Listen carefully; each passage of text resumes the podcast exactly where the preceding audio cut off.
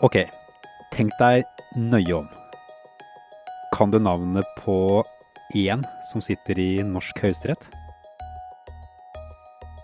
Men eh, i USA, da, kan du nevne noen som sitter i høyesterett der? Brett Kavanaugh, jeg har hørt om han. I eh, USA så er høyesterett veldig viktig. Og de som sitter der, de er veldig synlige. And then it's my job to interpret those laws and apply them to facts of particular cases. Og grunnen til det er at USAs øverste domstol blir brukt til politiske omkamper og til å vedta rettigheter som ikke engang er bestemt av politikerne. Høyesterett har i dag, mener mange, blitt en politisk aktør, og det har blitt noe annet enn det det opprinnelig var ment å være. Du hører på Forklart fra Aftenposten. Mitt navn er Andreas Bakkefoss, og i dag er det tirsdag 20. oktober. Altså, En av de viktigste oppgavene til Høyesterett er å tolke Grunnloven. Og Det betyr bl.a. at hvis Kongressen skulle lage en lov som er i strid med Grunnlovens prinsipper, så kan den prøves i domstolene. Og så ender den til syvende og sist opp i Høyesterett. Kristina Pletten er kommentator i Aftenposten. Da kan du tenke deg at Kongressen lager en lov, f.eks. at alle skal gå med gule klær om tirsdagen. Og så vil folk saksøke staten, for det vil de ikke. Eh, og så vil de si at det er i strid med prinsippene i, i Grunnloven om personlig frihet, f.eks. Og så vil denne saken da jobbe seg opp gjennom eh, domstolen, ikke sant. Og så ender den opp i Høyesterett til slutt, og så avsier de en dom. Og da vil det sette presedens for alle amerikanere, og det vil eh, bety at det Høyesterett da bestemmer, vil ha innvirkning på rett og slett hvilke klær de kan ha på seg, og hvilke farger de kan bruke. Så er det sånn da at eh, Høyesterett i USA finnes rett og slett for å sørge for at Kongressen ikke vedtar ting som går imot Grunnloven? Ja, altså du har en tredeling av makten i USA. Du har eh, det som kalles the executive branch, som egentlig er presidenten og regjeringen. Og så har du the legislative branch, som er eh, Kongressen og de som lager lover, de folkevalgte. Og så har du altså the judicial branch, som er domstolene. Og alle disse tre skal holde hverandre i ørene. Eh, men i prinsippet så er det jo sånn at det er Kongressen som skal eh, lage lover, altså de folkevalgte. Og så er det presidenten og regjeringen som skal utøve de lovene og sette de i kraft. Og så er det domstolene da som skal eh, bruke de og tolke de, og også være sikker på at de eh, er i tråd med det som, eh, som Grunnloven stipulerer, da. Gule klær på tirsdager er jo én ting, Kristina. Men har du noen eh, ekte eksempler på hvordan Høyesterett har fungert i eh, USA? En av de mest kjente dommene i Høyesterett er den som kalles for Roe versus Wade fra 1973. Det var den avgjørelsen som gjorde at amerikanske kvinner fikk rett til selvbestemt abort. Og da var det sånn at Kongressen hadde aldri tatt det opp, og det var ingen lov som var vedtatt om abort. Men det var en kvinne i Texas som saksøkte delstaten den saken jobbet seg opp gjennom systemet til Høyesterett, og Høyesterett bestemte at hun hadde rett til å ta abort. Og innen denne saken kom opp til Høyesterett, så var barnet for lengst født. Men den saken eh, gjorde at alle kvinner i USA eh, fikk rett til selvbestemt abort.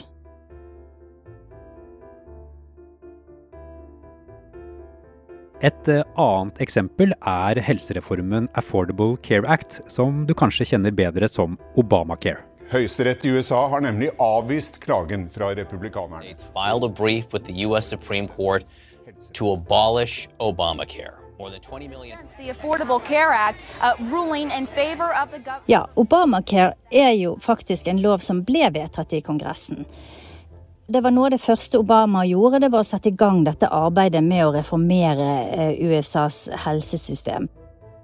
Den reformen den klarte demokratene å få gjennom i Kongressen, men republikanerne prøvde flere ganger å få den omgjort. Det har de ikke klart. Men organisasjoner og lobbyister på høyresiden de ringte rundt for å finne folk i USA som fikk problemer pga. reformen. Og så hjalp de dem inn i rettsbygningene for å sikte mot landets øverste domstol. Og det har de gjort med mange forskjellige rettssaker mot mange av de prinsippene som er nedfelt i eh, helsereformen. Og det som har skjedd, det er at noen av de sakene har gått til Høyesterett, og noen biter av Obamacare har da blitt omstøtt av dommer som er avsagt i Høyesterett, som har gjort deler av loven eh, ulovlig. F.eks. så fikk de omgjort en del av helsereformen, som sa at en amerikaner kunne få bot om hun ikke kjøpte helseforsikring. Det sa Høyesterett at var ulovlig, og da forsvant det som for demokratene var en veldig viktig del av Obamacare.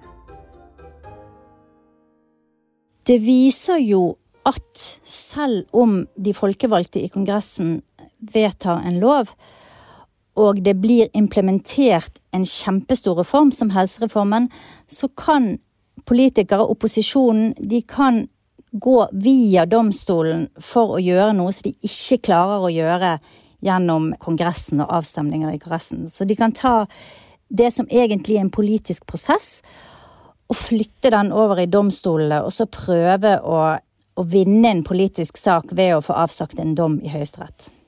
Så det betyr at en eh, sak som egentlig er tapt politisk, den kan få en omkamp i Høyesterett, som eh, ser hva Grunnloven sier om saken. Men i Grunnloven så står det ingenting om abort, om likekjønnet ekteskap eller andre saker som har eh, skapt mye debatt i USA. Hvordan løser de det?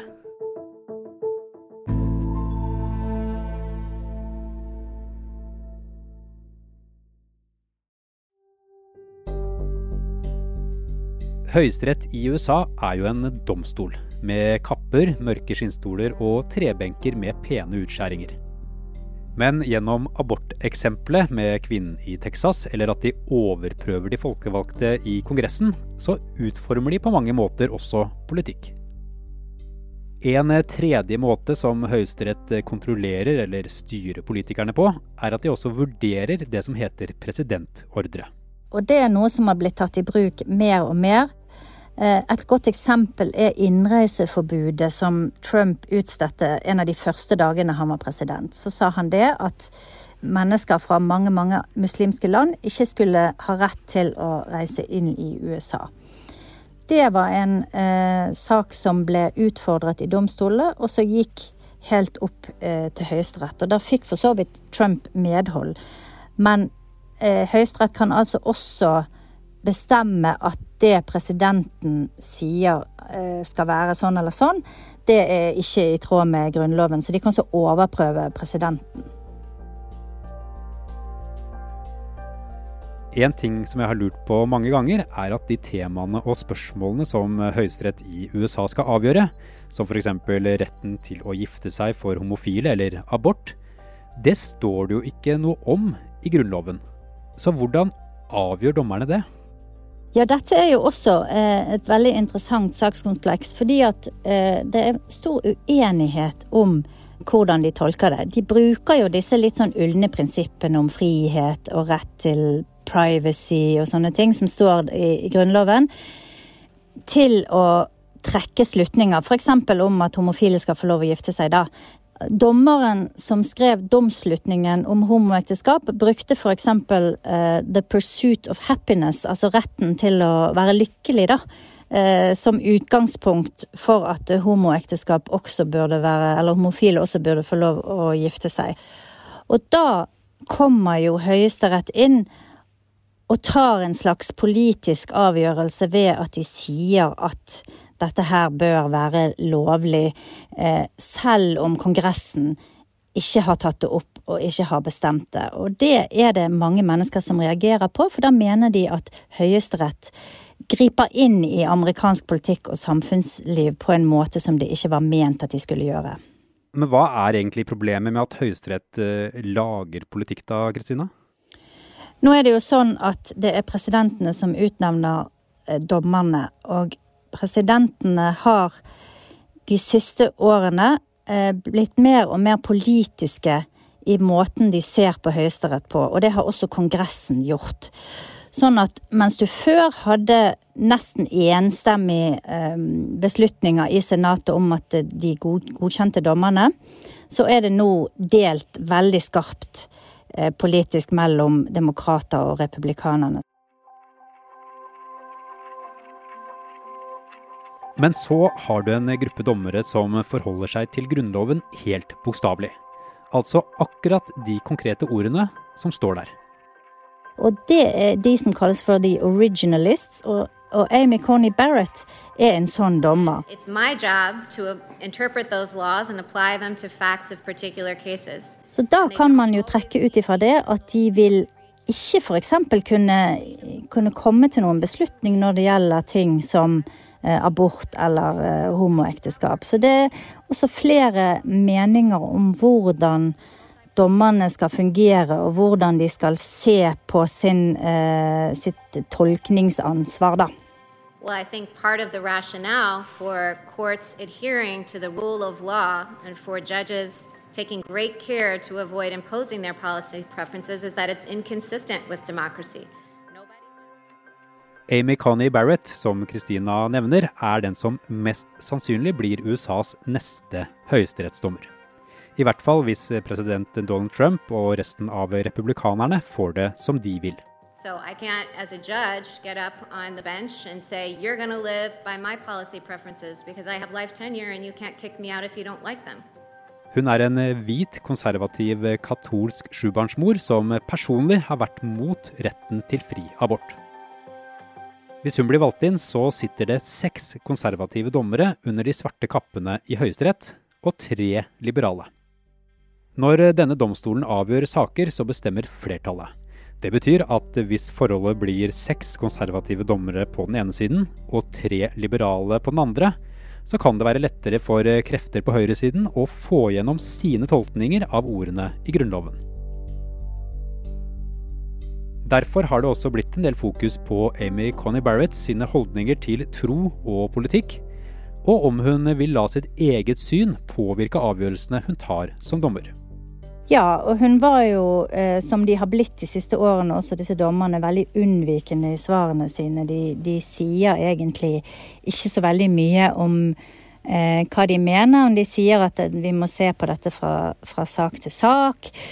Men det man eh, frykter nå, er jo at disse seks konservative dommerne kan komme til å påvirke amerikansk politikk i mange tiår fremover. De er ganske unge, de fleste av de. Og, og, deres måte å tolke Grunnloven på, og tolke disse store eh, sakene som, som, er veldig viktige, og som er veldig sånn splittende i det amerikanske samfunnet, deres måte kan føre til f.eks. at det vil bli mye vanskeligere å få tilgang til abort. Det er Kongressen i USA som vedtar lover, akkurat som Stortinget gjør det i Norge. Og for Kongressen så betyr det en del at Høyesterett er blitt så viktige. Kongressen i USA slik den fremstår nå, er jo kanskje det største demokratiske problemet eh, landet har. Det er 17% som syns de gjør en god jobb. Eh, så den er fryktelig svak, den er fryktelig splittet, den er veldig sånn fastlåst. Så det er veldig vanskelig for Kongressen å i det hele tatt komme frem til eh, noe som helst. Nå sliter de f.eks. med å bli enige om en eh, redningspakke for korona. Der har de kranglet nå i ukevis. Sånn at det at Kongressen er så ineffektiv, det gjør også at presidenten og domstolene har overtatt mye av definisjonsmakten. Man kan si at det, det, det er ett område der Kongressen fortsatt styrer, og det er jo når det gjelder penger. Eh, domstolene kan ikke bestemme sånn direkte hvordan staten skal bruke penger, men de kan blande seg opp i veldig mye annet.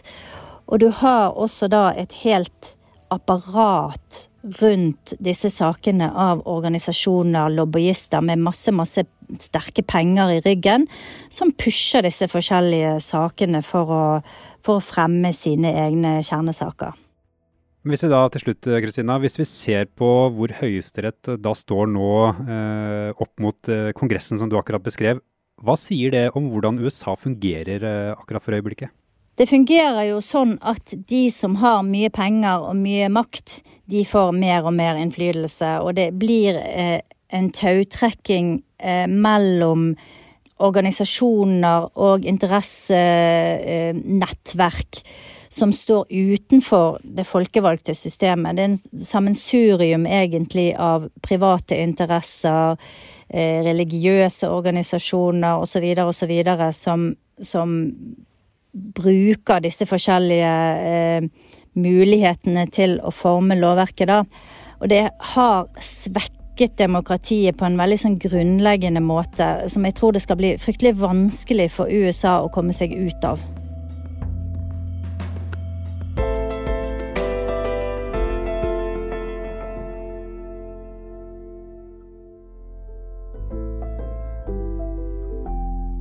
Denne episoden er laget av produsent Anne Lindholm og meg, Andreas Bakkefoss.